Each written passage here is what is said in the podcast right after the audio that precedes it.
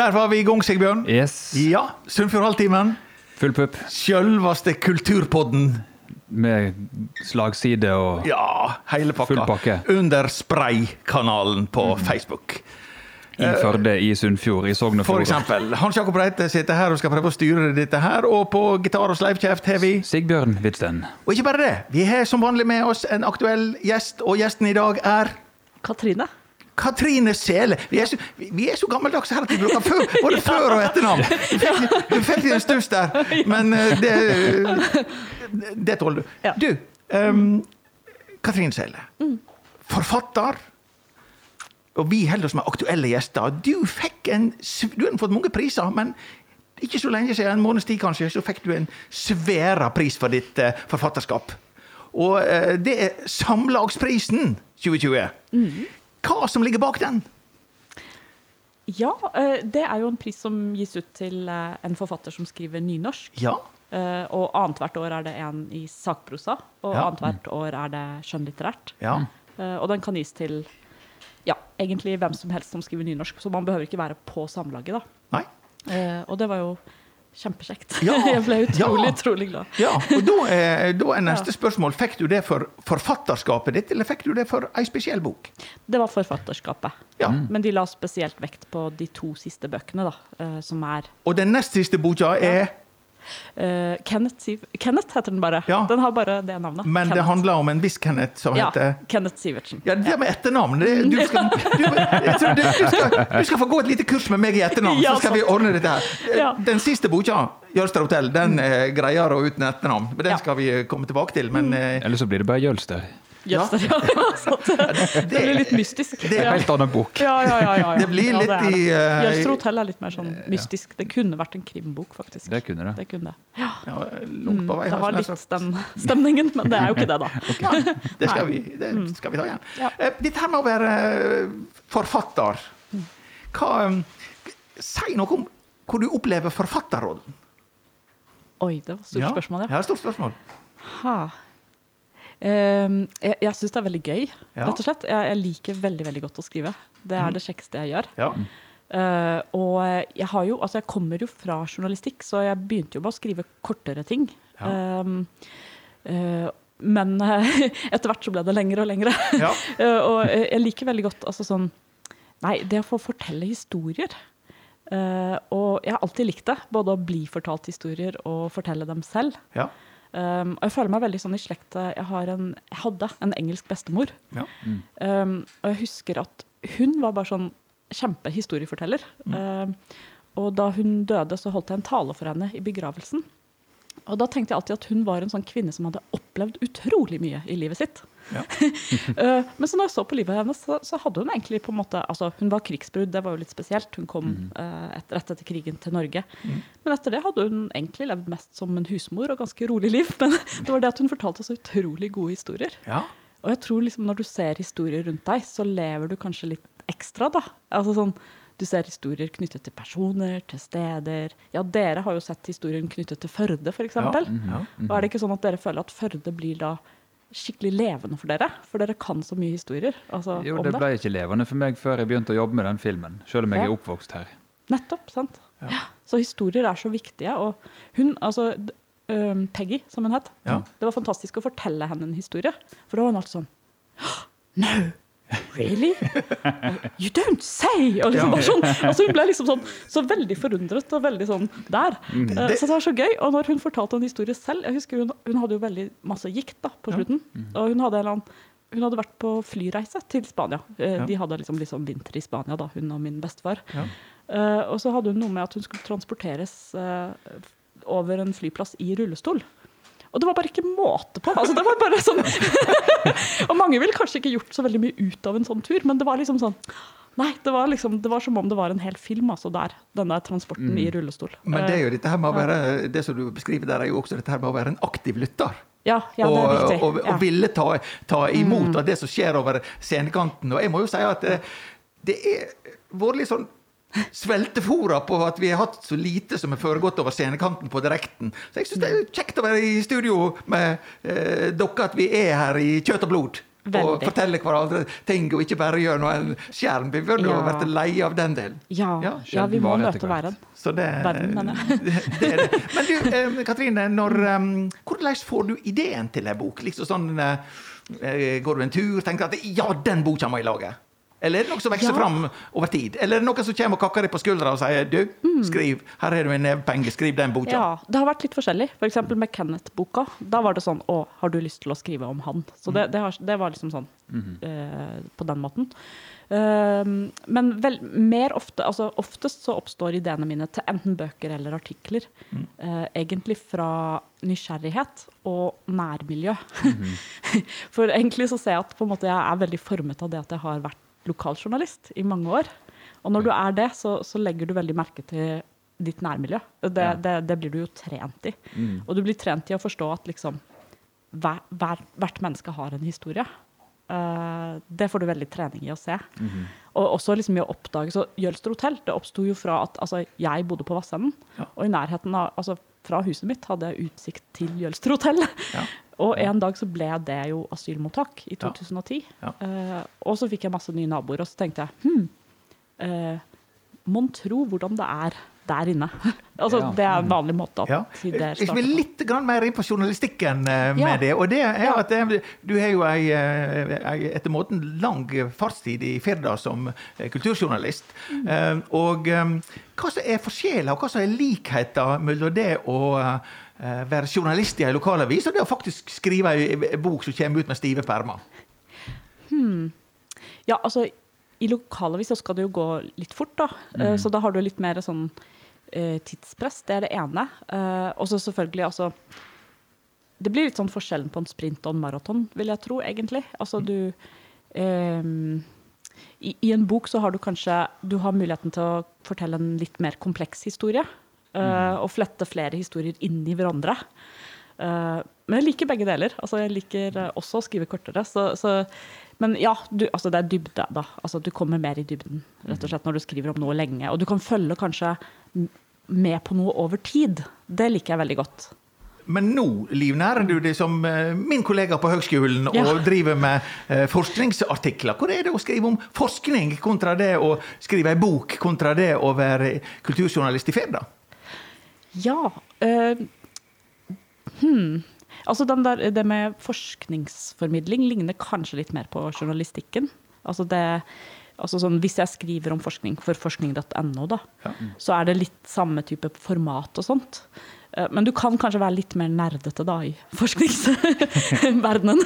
Du, trenger, du kan være veldig spissa mot noe. Og, og så der er det jo veldig altså, Da skriver jeg ikke bare, jeg gjør jo mange andre ting også. Ja. ja. Um, Sigbjørn, Ja. du, du er jo mange, det er unge mann som har mange drømmer i livet. Du, går du og bærer på et forfatterskap? Hvis du skulle skrevet ei bok, hva skulle temaet være da? Det måtte være en veldig misvisende kokebok med masse ordspill. Det, jeg tror det blir masse ordspill. Det, Ja.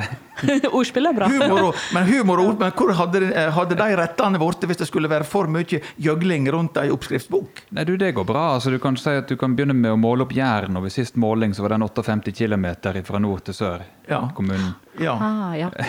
Jeg skjønner. Etter avsporing etter avsporing, så kan du få ganske mye ut av det. ja, Så det er kun de seigeste som kom igjennom og faktisk fikk ei gjærdeig ut av det. Ja. Ja, ok.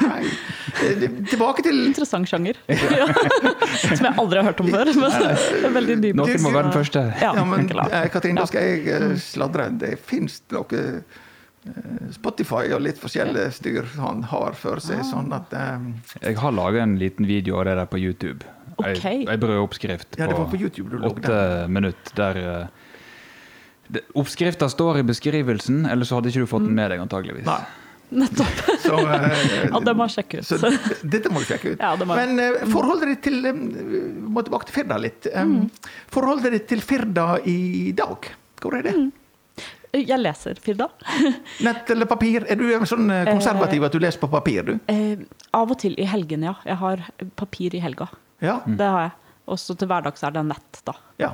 Og da går det veldig fort, egentlig. Ja. Men jeg liker å ha noen papiraviser. Men det er også fordi at jeg har to sønner. Eh, som jeg gjerne vil eh, lære opp til å lese avis. og de, eh, ja, de leser litt avis. Det merker jeg at de har begynt på. Og det, da tenker jeg at Firda er en veldig ja, bra start. da. Ja. Det og Aftenposten Junior. Og på en måte det også, liksom, fordi I Firda så ser de jo sitt nærmiljø og lærer seg til å følge med på det. Så jeg så syns det er fint å ha en blanding. Ja.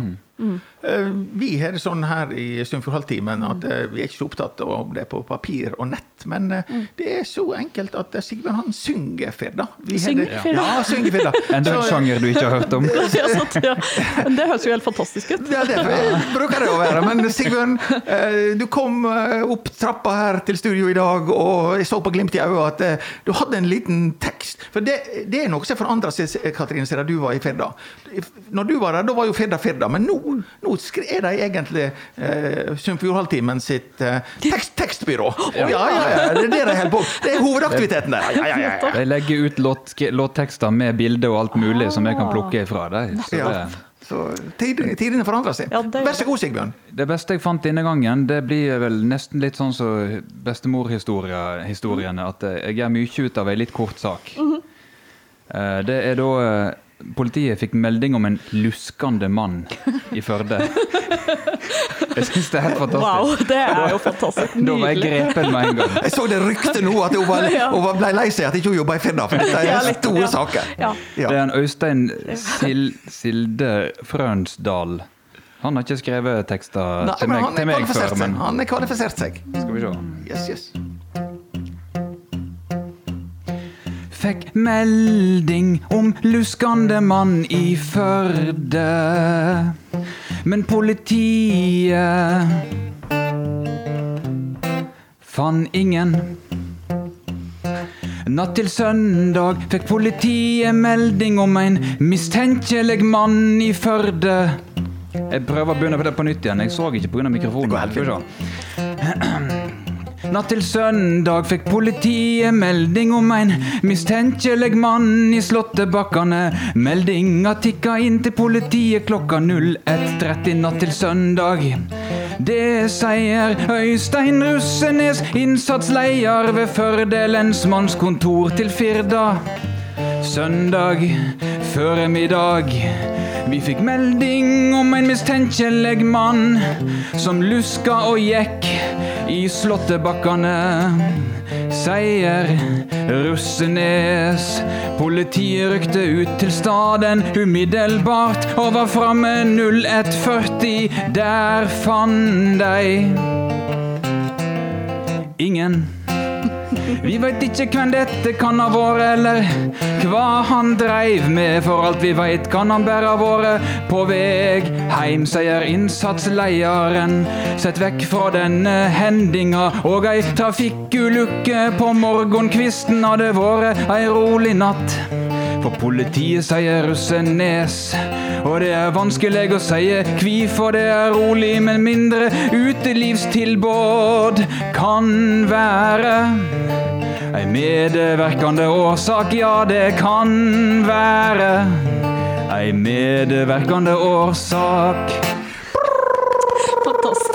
Ja, det var, helt utrolig, Sigmund. Ja. Han kan bare ha Ja. vært på vei hjem. Har du laga mange sånne saker? ja, dette ga meg faktisk veldig nostalgi. Eh, fordi altså, jeg har jo hatt helgevakt i Firda. og søndagsmorgen, Ja. da skrev vi utrolig mange sånne notiser. Og en ting jeg aldri glemmer, det var overgangen fra liksom, at vi begynte å få nettavis. Ja. Eh, fordi da, I begynnelsen så, så lagde jo hver sånn der notis som en egen sak, men da så det jo bare ut som Sunnfjord var det bare helt liksom cowboysted. For det, stod, det var liksom bare, bare sånne ting på rad, og så var det ingen andre nyheter. Det var liksom sånn 'Mann tatt for urinering på feil plass', og så var det sånn derre 'Måtte stoppe fest', og sånne ting. Jeg husker noen år, helt, år eh, tilbake i Sogn. Avis. Da var det en løpende sak i løpet av tre-fire uker om ei fårepølse som var funnet i et gjerde ved en barnehage. Og de prøvde å finne ut hvem som eide fårepølsa. Ja. Men det var løpende sak en gang i Ja. veka i fire uker. De fant ikke ut av det. Det var vanskelig sånn. Men har du noen historier rundt dette der med journalistlivet? Oh, ja, det var det. Det skulle jeg ha tenkt litt på. Um, det er jo mange, sant. Altså, det, du kommer jo borti så veldig mye Hva? ja! Kanskje en av mine første spesielle opplevelser. Kom ja. Første sommer i Firda. 1998. Det er helt utrolig hvor årene har gått. Nå høres jeg litt gammel ut her. Sånn. Ja, men eh, da var jeg faktisk Det var en veldig spesiell sak, og jeg husker den fortsatt med glede, da. Eh, Fordi det var, eh, det var litt sånn strid i Gaular kommunestyre. Om eh, et sånn Det var en som gjerne ville bygge en skogsvei ute i Bygstad. Eh, og den saken hadde pågått tydeligvis i årevis. Uh, I hvert fall uh, fikk jeg den, det inntrykket. Eh, men i hvert fall var det en da som skrev I stedet for å skrive vanlige sakspapirer, så skrev hun da dikt. som hedret dette landskapet, da, og liksom hvor vakkert det var. Og så var jeg ute til han bonden som gjerne ville bygge den skogsveien, som var utrolig sint på hun her eh, saksbehandleren. og han hadde skrevet et motdikt. og det var jo helt fantastisk, for det var sånn uh, Og han hadde liksom sagt liksom hva som skjer hvis man ikke får bygge sånne skogsveier og sånt, da. Og det var uh, Jeg husker fortsatt deler av diktet hans, da. Det var noe med at over åkeren streifet det jerv og bjørn og sånt. Alt bare gikk helt forferdelig, da, hvis ikke man fikk bruke landskapet. Og så var det sånn, og bonden sjøl har flytta fra bygda, han bor i Førde og går på trygda. Og odelsjenta som var så fin, går nå i Oslo på heroin. Og hjelp oss! Ja, og det var mitt første møte med en sånn veldig klassisk konflikt. Altså Ja. hvordan bruker vi landskapet? Og den var jo faktisk borti mange ganger senere. Altså skal vi på en måte ta vare på naturen eh, sånn, eller skal vi bruke den og liksom Hva er balansen der, da? Og det er jo en evig sånn, et evig spørsmål. Det er jo ikke mindre aktuell i våre dager med vind, vind og vann, har jeg så nær sagt. Ja, nei. Ja. Og ikke, min- altså jeg satte meg jo faktisk fast i noe gjørme da, ute og sånn, så jeg kom meg nesten ikke av gårde. og det var, ja, nei, det var en stor opplevelse, det hele. Ja, det forstår jeg. jeg kan fortalt mer om det, men eh, mange sånne situasjoner har jeg vært i. Mm. Eh, Jeg vil litt tilbake til dette med bok. Eh, Er det ensomt å sitte og trykke ut hos seg ei eh, hele bok? Ja, man blir jo sittende veldig lenge alene. Eh, Så det, eh, det er jo veldig forskjellig fra journalistlivet, da. Fordi der får du jo respons hele tiden. Altså, alle, alle leser dine dine artikler, og du føler deg veldig sånn hørt hele tiden. Så det er en veldig stor kontrast. Og det er det som kan være den vanskelige siden. At liksom å, å holde motet oppe, da. Det Ja. er egentlig noe som jeg jobber ganske mye med hele tida. Og liksom Kanskje også særlig for at jeg har hatt veldig mye prestasjonsangst på skriving. faktisk. De første årene i fylla så var jeg bare sånn Å nei, dette tåler jeg nesten ikke. jeg hadde stadig sånn kjempe, men en, også med bøkene. Mm. Men, eh, men eh, forlaget, da? Hjelper de til med sånne motivatører som kommer inn og klapper i hendene og er konsulent og er med og være denne her stemma som gir deg eh, tilbakemeldinger underveis? Altså det, det jeg har jo en veldig, veldig hyggelig redaktør, da. Som er veldig flink til å Hun er utrolig rolig. Og hun har sånn Nei, det går så bra. Og, og sånt, så det, det hjelper veldig godt. Eh, men likevel så blir det ganske lange strekninger med tid hvor, hvor jeg kanskje ikke får respons, da. Og hvor jeg må bare eh, Ja, prøve altså det som jeg tenker sånn Hele tiden prøve å la nysgjerrigheten eh, vinne over frykten. Ja. Eh, det er egentlig mitt sånn Jeg har en del sånne eh, tankemåter da, som jeg jobber med å ha. Sånn sett, sånn sett godt forberedt på koronatida, da, når du vant Ja. til å sitte alene så mye. Det, ja, det, det er sant. Det, det, det var jo veldig sånn. Mm. Jeg, jeg eh, veit jo en del om det, Katrine, i forhold til det her med at du har jo vært en rekekjepp. Du har fære rundt i verden. Ja, ja, sånn, ja. ja, det. Jeg hadde aldri Ja, hørt det før. du fikk et ord som ikke du har hørt før. Ja. Nei, men Du har jo en historie med at du er for rundt, du har internasjonal slekt, ene med den andre. Og så eh, kommer du da til gamle Sogn og Fjordane og Sunnfjord, og så eh, får du priser for nynorsken eh, Mm. din òg. Si litt om hva du vil fære over i oppveksten og for så vidt i ditt voksne liv. Geografisk. Geografisk? Ja, ja nettopp. Ja. uh, jo, uh, ja. Nei, jeg, har jo foreldre som er veldig glad i å reise. Så det, er jo, det er jo derfor. Og de møtte jo hverandre i Skottland, der uh, moren min var au pair, og hun er dansk. Og faren min han er jo engelsk-norsk. han studerte.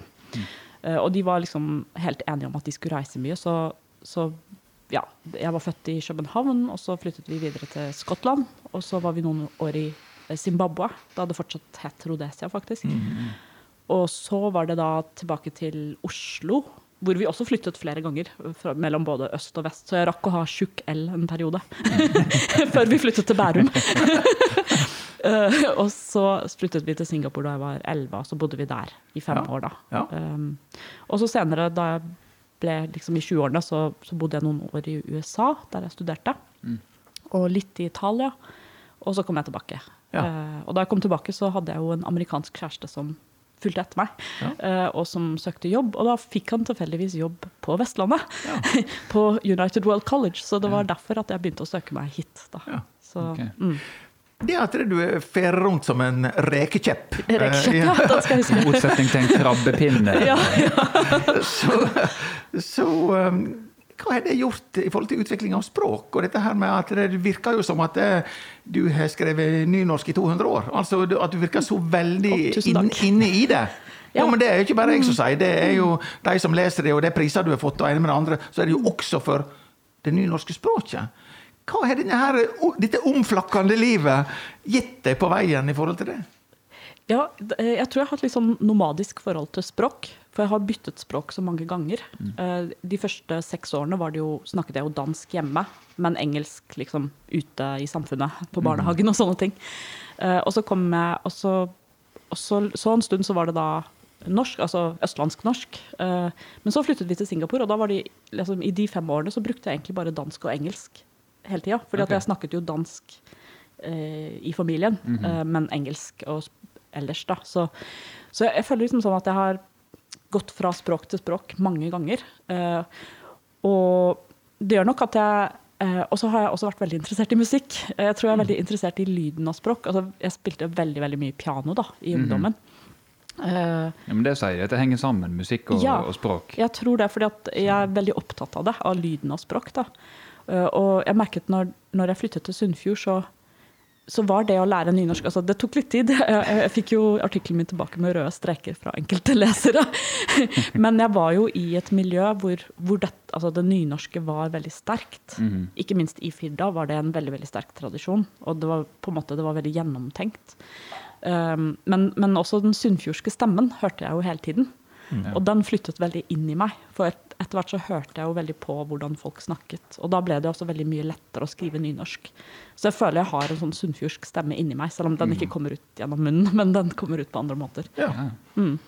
Um, du skriver jo om uh, så du sier de to siste bøkene om Jølster hotell, som vi skal komme tilbake til, og Kenneth Sivertsen. Um, Katrine Sele og skjønnlitteratur. Hva um, er neste bok om skjønnlitteratur? Hva forhold har du til å skrive skjønnlitteratur? Oh, det har jeg egentlig hatt veldig lyst til å prøve ut. Eh, For jeg tenker det er en del ting du kan sikkert uttrykke med det, som du ikke kan i, i sakprosa. Um, for i sakprosa så må du jo holde deg altså, jeg kan ikke skrive, jeg kan ikke dikte noe. Altså, jeg, jeg kan leve meg inn i folk og tenke ting, men, men jeg kan ikke skrive noe som jeg ikke har dokumentert på en eller annen måte. Da. Eh, eller så må jeg si at jeg tenker det. Ja. Eh, mens av og til så ser jeg at oi, ja, nå, nå er jeg jo 48 år, og så har jeg opplevd en del ting. Og det hadde vært gøy å hente fra det også mer, da. Eh, men det er jo ikke alt kanskje man har opplevd man kan skrive direkte. Altså sånn, men du kan bruke en del tanker og folk du har observert, og historier. Ja, Skjønnlitterært. Ja, du kan det, Ja. eh, tenker jeg. Og så er det Ja, jeg, jeg tror altså Det er akkurat som å bevege seg mellom forskjellige kunstarter. Du kan uttrykke forskjellige ting. Eh, Så, så jeg har ofte tenkt at det hadde vært gøy å prøve. Eh, Men jeg er også veldig glad i det dokumentarisk, så det er veldig sånn hm, Ja. hva skal man gjøre? Det, Ja, ja. Men uh, neste bok, blir hun eh, skjønnlitterær, eller hva blir hun? ja, det vet jeg ikke faktisk helt ennå. Eh, Så det, det er jeg litt spent på også. Ja. Jeg har litt sånn vage ideer, men jeg har ikke helt sånn fanget dem. ja, men du har nå ei, du har nå ei bok på beddingen. Ja, det har jeg også. Ja. Det stemmer. Ja, Ja. Den er jo ikke, den er ikke skjønnlitterær. Den Nei. er dokumentarisk. Den er Eh, dokumentarisk. Kanskje litt sånn essayaktig. Altså blanding av essay og dokumentar. Kan du gi oss, Er det hemmelighet, eller kan du gi oss to stikkord om den? Jeg kan gi et par stikkord. Ja. Eh, Det handler vel ja, om tilværelsens tap. Eh, Ja. eh, Aller mest om, om døden, men også om andre tap på veien til Ja. det. Og hvordan forholder vi oss til det? Eh, altså dette er jo en av på en måte de grunnleggende eh, sidene ved å være menneske. Ja, du vet hva eh, Ja. Ernst Hemingway sa det var tre ting å dikte om. Ja, Havet, døden og kjærligheten, Ja. var ikke det det? Ja, ja, helt klart. Det, ikke- det har han jo rett i. ja. Eh, Nei, men, og den kan vi få mellom stive permer hva tid? Eh, altså, jeg er litt usikker på akkurat hvilken dato, men uh, sist jeg hørte fra redaktøren, så var det januar. Akkurat. Ja, så- rett over jula. Ja, Ja. jeg tror det, men jeg er ikke fullstendig sikker. Nei, nei. Men etterpå der igjen, da er det åpen slipp. Så da, er det, åpent, mulig, ja. Da er det mulighet til å strekke kjølen på nytt. Ja, ja, det er det. Jeg vil litt tilbake til det med bok.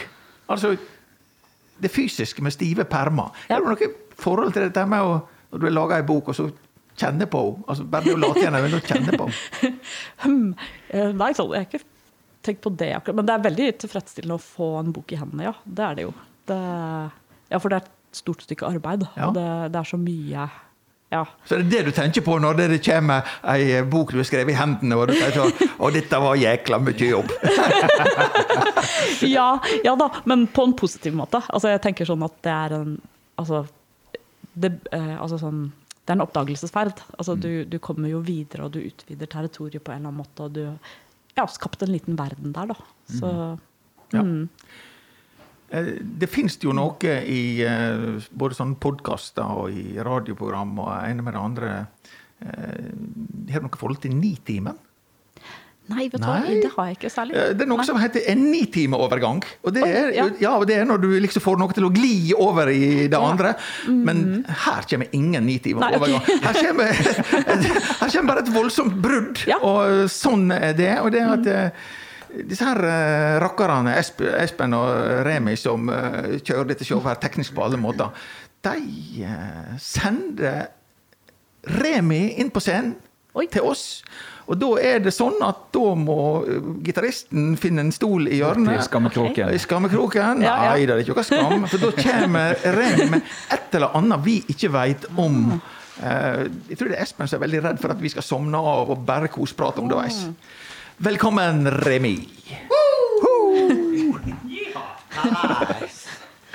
Yes! Nå er jeg spent. Er dere klare? Hele tida. Jeg har faktisk med meg pil i dag. Og hjelp oss. Uh, det blir action! Nei, nei, det blir ikke så gale. Det blir eh, ganske forsiktig og fint og bra, får vi håpe. Hvis ikke vi gjør oss gal. Men det Alt kan skje. Så det er jo sånn eh, som Hans Jakob pleier å si, at uh, gjesten er ikke tvungen til å være med. Men jeg ser jo helst at gjesten er med. Men det er ikke så gale. Det er konkurranse igjen i dag. Uh, nå har vi hatt uh, tre uker med sittende konkurranse, og gud vet meg. For Hans Jakob har vært på date, som han kaller det. Det er når en uh, gjør seg skal. okay. Ja, du, du, kan ikke du det? Ja, når, eh, når menn da Ja. driver og, klager over at han er vondt i ryggen, det er jo sånn billige sjekketriks. Har ikke du vært utsatt for det? Nei. Å, det er ikke det. Det kan hende du ikke du vet om det. Nei, jeg jo holdt sånn mirakel med meg, men jeg har vært låg i ryggen i tre uker. Ja, okay. Men nå er jeg helt klar til hva som helst. Yes, det er bra. Så det som jeg har lyst til å være med, uansett Ja, det må jeg. eh, Nei. nei. Det som er er at jeg har kjøpt eh, to pakker med ballonger. Eh, og det er rett og slett eh, Det er ganske enkel konkurranse. Eh, enkle regler, det er det alltid. Mhm. Eh, når jeg eh, Det høres ofte avansert ut, men det er veldig enkelt. Oi, nå holder, åh, nå holder jeg på å ta opp gevinsten! Nei, så galt Tenk, det hadde jo vært helt krise. Ja, det helt det er en gjev gevinst. Det er premie til, eh, til vinneren. Så her er det bare å stå Ja. på. Det må være premie, hvis det ikke så blir det lågt, som Hans Jakob kaller det. Eh, Det er fort føre. Eh, Så da drar vi på med premie. Eh, Det er faktisk så enkelt. Eh, Konkurransen er todelt. Og det er jo om å gjøre å sanke poeng. Så ikke han er arbeidsledig. Her er boka di. Det er boka di. Og så tenkte jeg at det, det som er at vi kjører ti denne gangen Da får dere altså eh, Vi sier eh, vi jeg, tenkt, jeg hadde tenkt to minutter eh, ballongblåsing, bare sånn at vi får litt volum. Men vi sier ett og et halvt minutt. Det blir mer konkurranse. Ett og et halvt minutt eh, ballongblåsing. Så da er det om å gjøre å blåse altså opp eh, så mange ballonger dere klarer. Og da får dere ett poeng for hver ballong dere klarer å blåse opp i løpet av den, eh, den eh. Og da sier vi det sånn at når tida går ut, og dere hvis dere har begynt å blåse, så bare knyter dere. Okay. Sant? Så den er med. Ja. Men da er det størrelsen, sant? Så prøv å få Dere må Jeg eh, føler dette her bygger opp til et Solberg-sitat. It's not the fart that kills you, it's the smell. ja, Eventuelt. og så, når dere har da blåst opp så og så mange ballonger, så eh, flytter vi spillet over på veggen. Da henger vi opp ballongene. Og da er det altså Da får dere eh, to eh, runder med tre piler, altså seks mulige poeng til å, å sprekke ballongen. Så det er litt Du er jo fra Danmark, eh, så det er jo litt tivoli. det her, der er jeg hver gang vi er i København. Eh, så det er Da blir jo litt eh, sirkusstemning, tivolistemning her i dag. Yeah. Hvor hen har du lært denne lyden? jeg er like fascinert hver gang. Henger med duene i Bergen. Så jeg liker denne lyden. Altså. Det, det er alltid når det skjer noe Når han er fornøyd, da kommer det. Så da er dere, dere åpnet, Har du har åpna ballongposen? Ja. Så da blåser dere opp, hiv ballongen bak, så ikke det vi blanda det. Så vet vi hvor mange poeng dere Da skal vi knyte for hver enkelt og hive bak. Ja. Yes, Og så må jeg starte stoppklokka. Det er et eventyr når Remi kommer med klokke. Det går i ball hver gang. Skal vi se. Jeg tror jeg tar på nedtelling. Det er det jeg pleier å gjøre. Skal vi se. Ett minutt og 30 sekunder. Jeg holdt på å si 50 sekunder, men det er 30. Det er 60 sekunder i ett minutt. Yeah! Ikke måte på. Det, Ja, den mannen vet. ja, det er fort å bomme på akkurat den der. Det er omtrent som høyre og venstre. Skal vi se. Eh, da setter vi i. Er dere klare, Ja, ja. Ja. Ok, da sier vi én, to, tre. Woo! Oi, oi, oi. Hans Jakob han er i blåsemood. Det er faktisk sånn at forrige gang Husker jeg var på Hadeland Glassverk. Der sto det et skilt med 'Blow your own glass'. Eh, Litt uheldig oversettelse. Ser man på hvordan glasset ser ut. Poeng til hver. Ja, ja, ja. Der er jo det ulike fasonger. Dette er faktisk sånn Hans Jakob han velger det- store formatet. Hun velger det litt mindre formatet. Eh, enten så er det for å sanke poeng, og Hans Jakob eh, Eller så er det for at hun er veldig treffsikker. Det er, det er så godt å vite. Men det ligger likt, da. Det ligger ganske likt. Hans Jakob ligger akkurat litt foran. Ikke noe å si på lungekapasiteten, i alle fall. Oi, jeg må følge med på klokka. Det er Åh, Der er det 40 sekunder igjen. Det var bare for å være akkurat på partallet. Jeg liker hele tallet og partallet. og. Det er lettest å forholde seg til. Jeg er helt enig. Ja. Det er sånn. noe primtall. Nei, jeg har et problem med det. Det er sånn når du spiser Twist og sånt, og snop og sånn, så er det partall. Det går jo. Yes. Det er faktisk eh, tre ballonger. Eh, han har eh, fire. Han har fire. Den ene bak Ja, fire. Fire, tre. Og nå er det fire. Fire, fire, fem. Fire, fem til Hans Jakob. Ja, ja, Så eh, her eh, snakker vi om treffsikkerhet eh, som avgjør. Hans Jakob er jo faktisk Å, der er det stopp! Å, Denne blir jo enkel å treffe. Det blir eh, Formatet er for ulike. Du satser på treffsikkerhet og eventuelt poeng. Ja. Eh, Hans Jakob han eh, bolser med lungekapasitet, og det spørs jo hvor treffsikker han er. For jeg er sikker på at Hans Jakob er svimlere enn han ser ut. Det som er saken, Remi, det er at det er kol- Du driver her og tenker mange trær framover. Ja. Nei, jeg har ikke jeg det. Jeg tar én og én oppgave. Jeg har ikke anelse om hva vi skal gjøre etterpå. Hvis det er mulig det vi skal ete flatbrød for meg. Altså.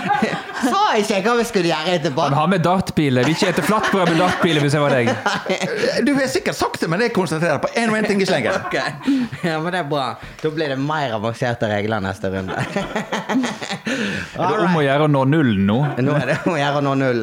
Da må vi faktisk gjøre det sånn at eh, for sikkerhetsmessige årsaker Du skal slippe å ta det headsetet. Du skal bare få sette deg i stolen her. Ja. Sånn at uh, ikke du eh, Når Hans Jakob skal kaste, så risikerer ikke vi at du sitter der. Livet som innsats.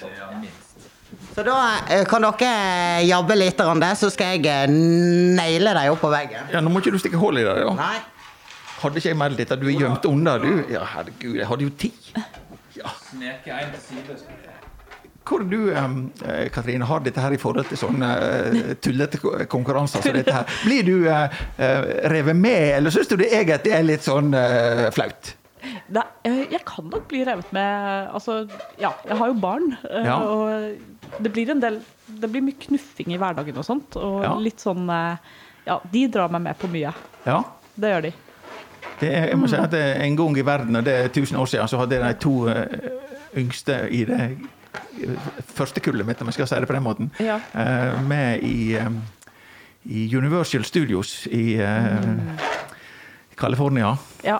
Hollywood, og så var vi på eh, Disneyland og en med den andre. Og da fikk jeg eh, en attest fra De var 12 og 14 da. Så var det pappa og en på 12 og en på 14. ja. Og da fikk jeg attest på det at eh, pappa hadde det kjekkest. det syns jeg egentlig var litt kjekt å høre. Ja, det er Fordi at det det, dette der med at du um, Ja. Hjemme spilte dere Var dere spillende familie? Spilte dere ludo, kort, uh, konkurranse? Ah, Du mener i oppvekstfamilien? Jo, oppveksten, ja. Nei, vet du, det, det, jeg kommer fra en veldig formell eh, Ja. eh, familie. Jo, vi, vi har spilt brettspill, og så mye kort. Ja. Og sånne ting. ja.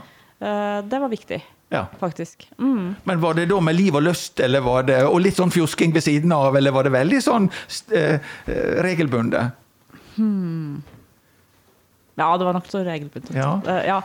Um, ja. Eh, Pappa min han var en sånn luring som fant på ting underveis. Oh, ja. ja, det var ikke det. Han lurte oss, men han hele veien hadde som en litt sånn eh, Han hadde litt sånn eh, filosofi at han måtte Ja. holde litt opp med sine egne unger. Ah. sånn at det ikke ble, For han sa vi kan ikke oppdra troskyldige unger. Tro- nei, nei, måtte ikke være troskyldige. Måtte regne med at det var noen som drev på med litt godlynt ja. fanteri. ja.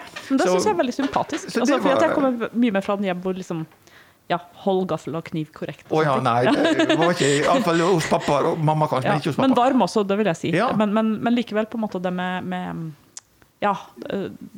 Det er nok litt formelt. Jeg, jeg tenkte på så sent som i går, så. Mm. var jeg oppe på heimplassen min, i barndomshjemmet min, min. Så gikk jeg jo gjennom. Det var jo sånn sur novemberdag Mm. på kysten.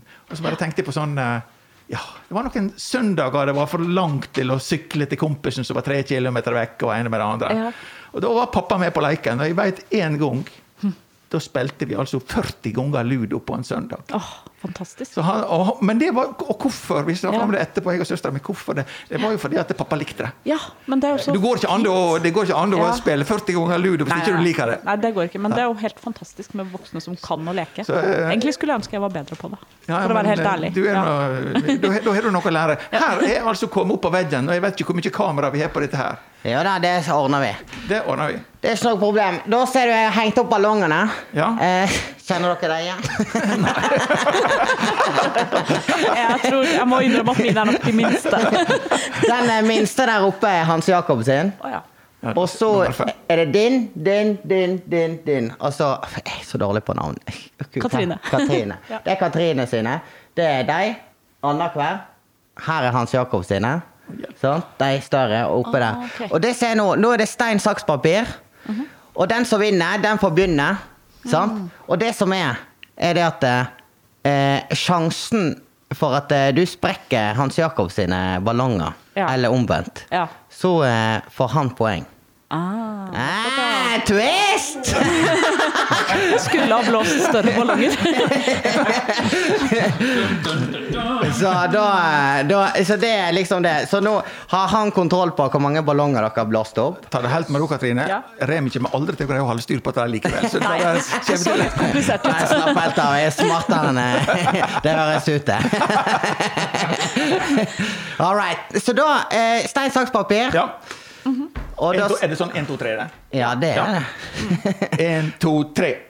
Åh, det var deg først. da vant eh, Hans Jakob. Ja. Da får du begynne. Eh, det er faktisk ikke en fordel. Bare sånn at eh, okay. Det vet jo du. For det er større sjanse for at han sprekker noen av dine. Jeg skal flytte meg. Hans Jakob, du skal få lov til å stå. HMS, herre Og du skal stå bak eh, bordet, iallfall. Sant? Og da kan jo jeg eh, sette meg ned her. Men fortell meg hva jeg skal gjøre. Mine egne eller hinna? Nå har du tre sjanser. Ja. Du har tre sjanser på å, å, å treffe til sammen seks ballonger. Sant? Det er tre piler, og du har to forsøk. Sant? Og så det, må jo du prøve å treffe dine ballonger. On your mark. Er vi klare? Da er det vær så god. Oi, oi, oi, oi, oi! Fy faen, er det mulig? Det, dette er jo datteren! Da skal jeg, skal hente bilene. Er det baby? Jeg Jeg ble pinglete på den siste. Jeg tåler ikke skryt. Eller skal hun, eller skal jeg ta Nei, det er du. Det er du fortsatt.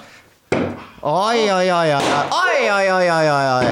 Oi, oi, oi. Da er du ferdig, Hans Jakob. Det vil altså si at du har altså truffet én, to, tre av seks mulige ballonger. Så da eh, går vi videre. Da er det din tur.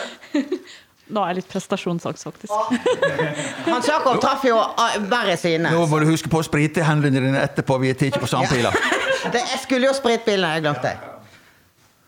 Å! Det er close, da. Det nærmer seg. Oi, oi, oi, oi, oi, oi, oi. Det var Men det Hans Jakob. Det er Det er jo Det nærmer seg.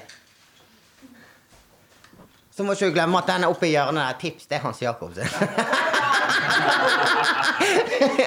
ja. Oi, yes! Woo! Oh! Oh! Det var godt forsøk, godt forsøk. Jeg går tilbake igjen på Du skal få sette deg på tilbake igjen på plassen din. Da går vi tilbake på plassene. Da må du eh, ikke drikke sprit, men eh, ta deg en liten sprut på den. Yes! Og nå er vi En, en fordel med de små ballongene, det var mye lavere lyd av dem. Ja, det, det var en fordel. Sånn.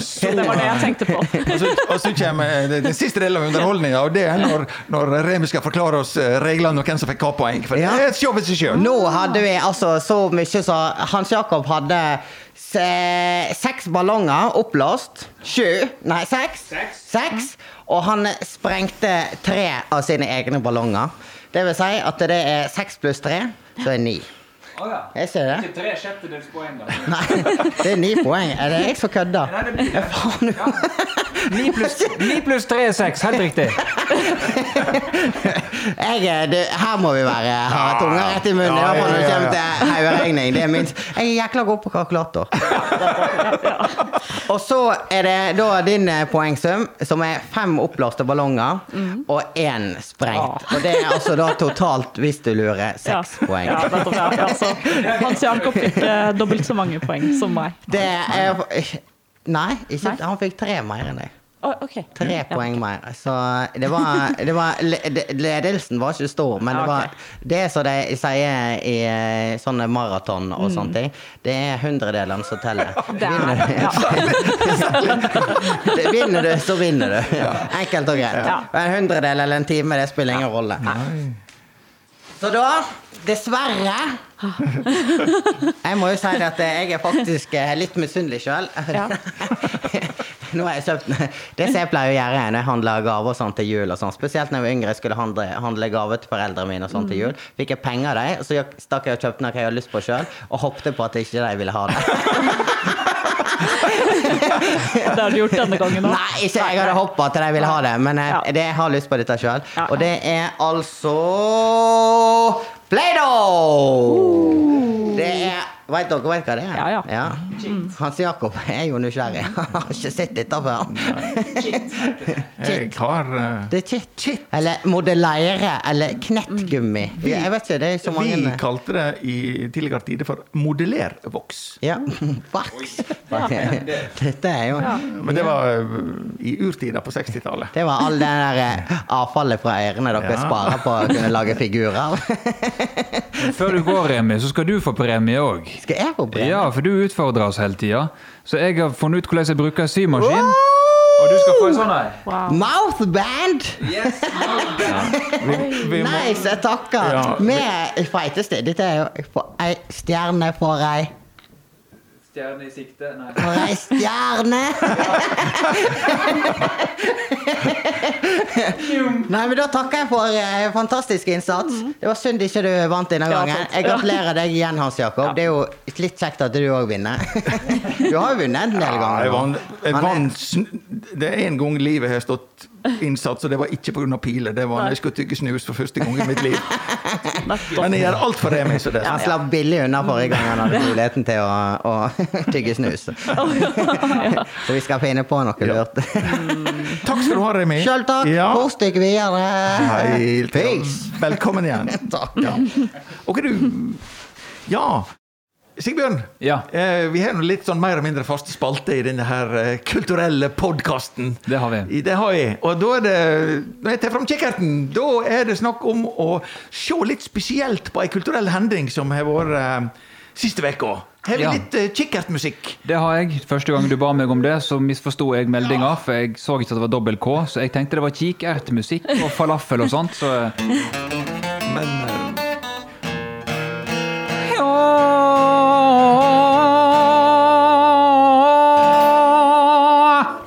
fikk vi altså litt sånn eh, internasjonalt eh, tilsnitt òg. Preg. Preg, kan vi kalle det. Fordi at eh, i kikkerten nå så skal jeg fortelle deg, eh, eh, Katrine, om eh, forrige onsdag når vi satt her og spilte inn. Da satt jeg på tå og sprang av gårde. Det høres veldig spennende ut. Det må ja. For da var jeg på teater på ja. di. Ja, så bra. Eh, Jølster eh, hotell. Og eh, bare noen, noen få, få stikkord eh, derifra. Det var et ordløst teater, og det tror jeg må være artig både for meg og deg, som er så omgir oss med så mye, mye ord. Det var eh, lyder, var det, men, eh, men ikke ord.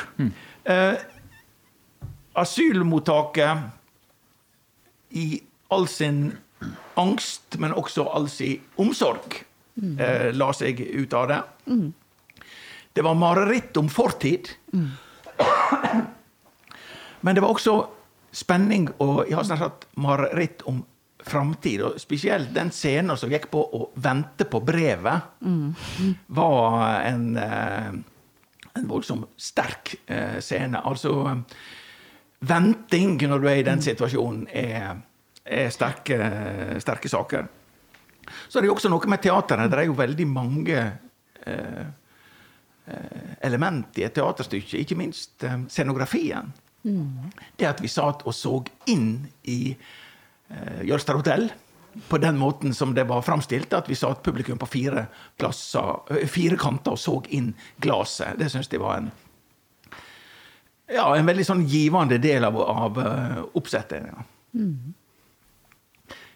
Hva syns du med å få boka di sett opp på scenen?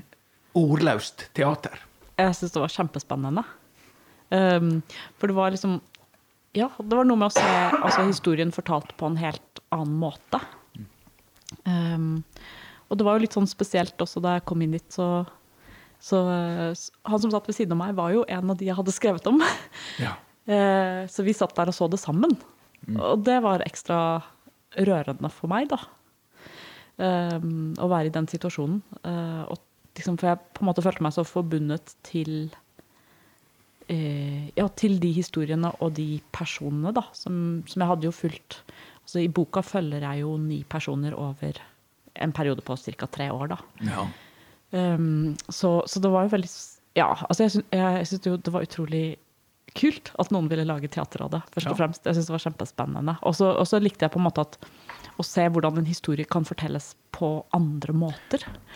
Og det var veldig spennende for meg, for da, da er det andre ting som blir betont, da, Ja. og som kommer sterkere frem. Um, og jeg, Hva som, hva som overrasker deg mest når du har levert fra deg dette her med stive permer Ja. og, og fått applaus for den og ene med det andre og signert og hei og hå, og så går det en stund, og så kommer det på en annen måte, du sitter i salen sammen med en av de du skrev om.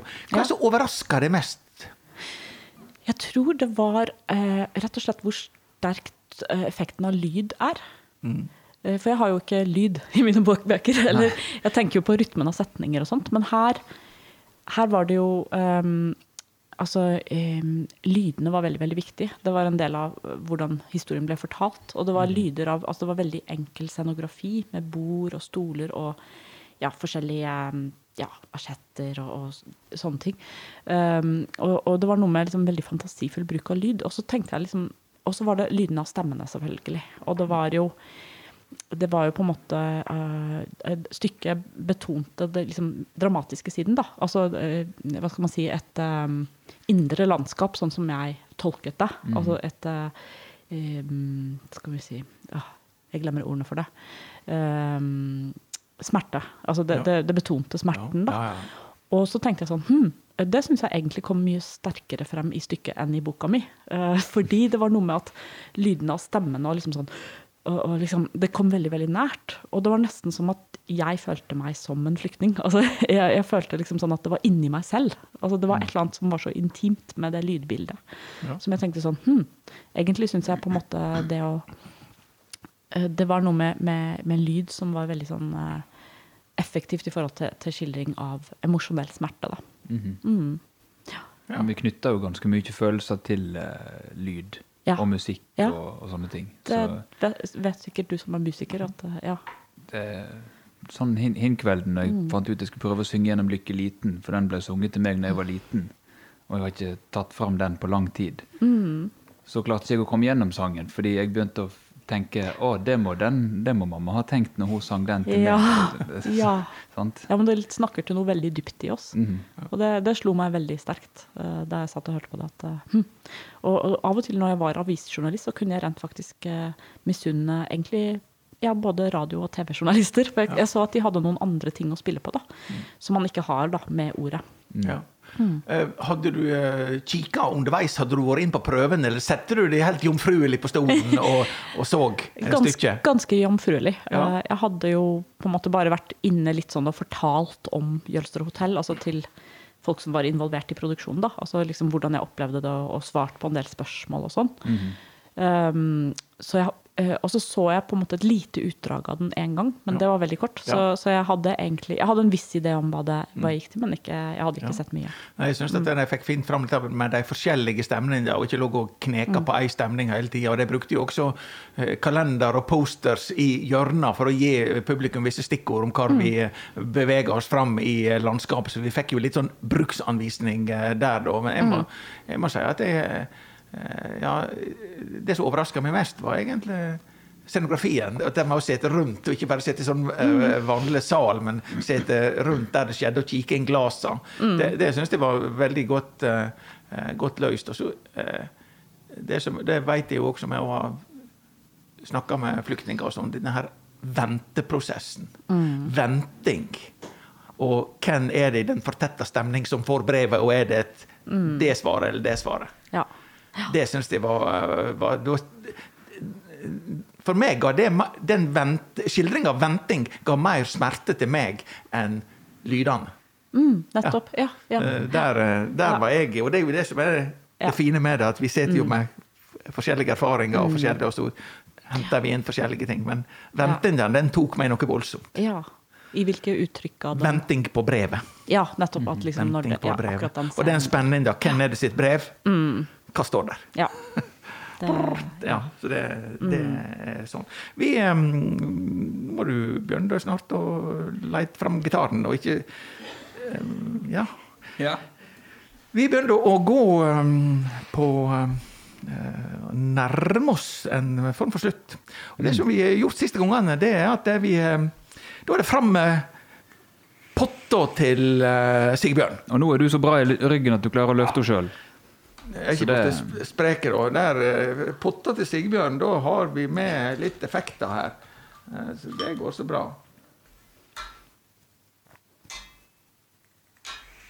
Da setter vi tre lys eh, fram på bordet, fordi at vi har litt sånn spalt spalte her nå at vi tenner lys, og det kan vi gjøre i hva sjanger det passer. Om det er noe med hjerte, eller om det er ironi, eller er hva som helst. Men du må si hva sjanger du er Ja. i. Og da er det gjesten først. Sånn Ja. er det med oss. ja, nå som jeg akkurat har tenkt på, på flyktninger, Ja. og vi har snakket litt om det, Ja. så vil jeg i hvert fall eh, tenne ett lys for alle som er nye i landet, eller alle som ikke føler seg hjemme av en eller annen grunn. Det kan jo være flere grunner til å ikke føle, for at de skal føle seg hjemme. Så ja. jeg, jeg er nok litt i alvorlig å gjøre Du er i det alvorlige, og det er helt, det er helt lov og helt bra. Ja. Sigbjørn holder oss med litt sånn lysmusikk langs Ja. med. ja. Hva har du eh, tenkt på, uh, Sigbjørn? Jeg har tenkt at jeg vil tenne et lys for taxisjåførene nå for tida, stakkar. Som uh, ved at en eller annen ikke gidder å ha på seg en maske når en går inn i taxien, så ender de opp med karantene i 14 dager og vel så det. Så de må ha et lys, minst. Og litt hjelp fra folk til å gå med maske. De fikk ett, og så har iallfall du sikra at Remi Hvis han tar taxi nå, så er han klar. Da er han helt klar. Eh, Og eh, til deg, Katrin, vi Ja. planlegger aldri hva de andre sier. Sånn at de kommer på slutten, så innrømmer jeg at jeg har en reserve. For det kan jo være at han er brukt på veien. sant? Ja, ja, ja, ja. Men jeg slipper å bruke reserven i dag. Ja, Så jeg går rett på. Jeg er jo da eh, på en dere var jo i det litt sånn alvorlige hjørnet. og Det er på en måte jeg òg, men litt mer tøysete, da. Um, I morgen er en uh, viktig dag for jeg på det kunst- og kulturelle hjørnet. Og i Førde. I, I morgen da er en ganske viktig dag, altså torsdag, for uh, laksen. Den store eh, skulpturen i Førde. Ja. Eh, For det kan jo være da at fotballen og bilene gjør at den enten må flyttes, eller eh, ja, forsvinner, rett og slett. Eh, Så det er litt sånn skjebnedag for, for laksen. Og tid kom du til Sogn og Fjordane? 98. Ja. Ti år før det, ca. 1989, så hadde vi noe som heter Miljøkunstveka i Førde. Og da var det en danske som murte den laksen som ligger der som en eh, skulptur. Og eh, har du vært i Egypt, Katrine? Nei, det har jeg ikke. Du har ikke sett Sfinksen? Nei. Eh, nei, i levende live, har jeg nær sagt. I stein. Eh, laksen er faktisk noen få ørene få meter lenger enn Sfinksen. Det syns de er litt artig å tenke på. Eh, nei, nå var det Oi, oi, oi. Det er jo et landemerke. Jeg tenner eh, lyset mitt for eh, skulpturen Laksen, som er for meg et symbol på at Førde i 1989 med Miljøkunstveka begynte å ta eh, det visuelle uttrykket i Førde mer på alvor. Og så har vi hatt en voldsom diskusjon, og vi diskuterer Førdepakken og andre pakker og hva det måtte være, og arkitektur. Men diskusjonen begynte for alvor i 1989, som vi fikk eh, laksen. Så jeg håper han eh, overlever. Og blir det sånn at han må flyttes, så skal jaggu jeg være med og bære stein. eh, det, får, eh, det får være. Ja. Byen har jammen forandret seg mye. Ja, det er voldsomt. Det er voldsomt. Ja, ja, ja. Jeg em, kom jo hit og gikk på jordbruksskole i eh, 77-78, altså 43 år siden. Vinteren for 43 år siden. Og det er voldsomme greier. Ja. Ja, ja, ja. ja. Um, da um, har vi uh, litt sånn rituelt mot slutten, ikke bare lystenning, men uh, Sunnfjordsangen. Vi fikk jo en ny kommune her. Der vi en slo sammen fire kommuner. Og um, da er det ei linje i den nye uh, Sunnfjordsangen som vi uh, har forelska oss i. Og da er det Forelskelsen ligger jo da iallfall hos meg, og også hos uh, Sigbjørn. Men uh, sangstemma ligger heldigvis bare hos Sigbjørn. Ja, og Grunnen er vel at den eh, er unnskyldningen til at vi kan ha en så lang halvtime. Det er no sol, det er no bare slik. Det får bare ta den tida det tek. Dette har vi lært oss. Veldig Eh, bra. så det, Kan han utenat snart? det er liksom kvintessensen av Ja. uh, det å være i uh, området her. Men jeg er syns det er veldig sunt. Altså At ting skal få lov til å ta tid. Det Er er, det er jammen eh, faktisk en veldig korreks til dagens liksom jag. Ja. Så det skal jeg ta til meg. Ja, Og, og og er ta seg tid til å ha fri av og til òg, kanskje. Ja, Da er det dette her med podkast òg skal gå i litt sånn en, mm. på den seine, seine måten, og ikke bare være, være kjapp-kjapp. Eh, Før du spiller oss ut døra, Sigbjørn. Ja. Takk, Katrine, for at du kom og besøkte oss i Sunnfjordhalvtimen. Espen, eh, Remi, holder oss eh, teknisk til stede sånn noenlunde hele tida. Eh, Sigbjørn, sleivkjeft og på gitar, holder oss musikalsk inne i dette her. Og Hans Jakob han eh, styrer skuta så best han kan, og det går ganske bra. Vi kommer oss ut døra når du spiller oss ut. Tusen takk for meg. Den set, setninga der, den hadde jeg planlagt Ja, ja, lenge. ja. Jeg kan spille oss ut. ja. Med litt mer lyd, kanskje.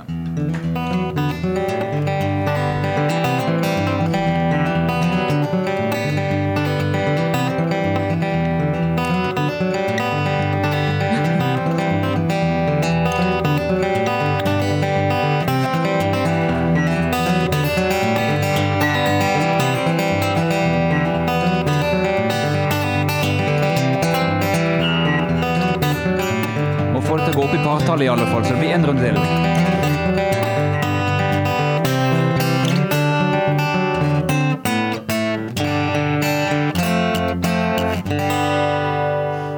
Sann. Takk skal du ha.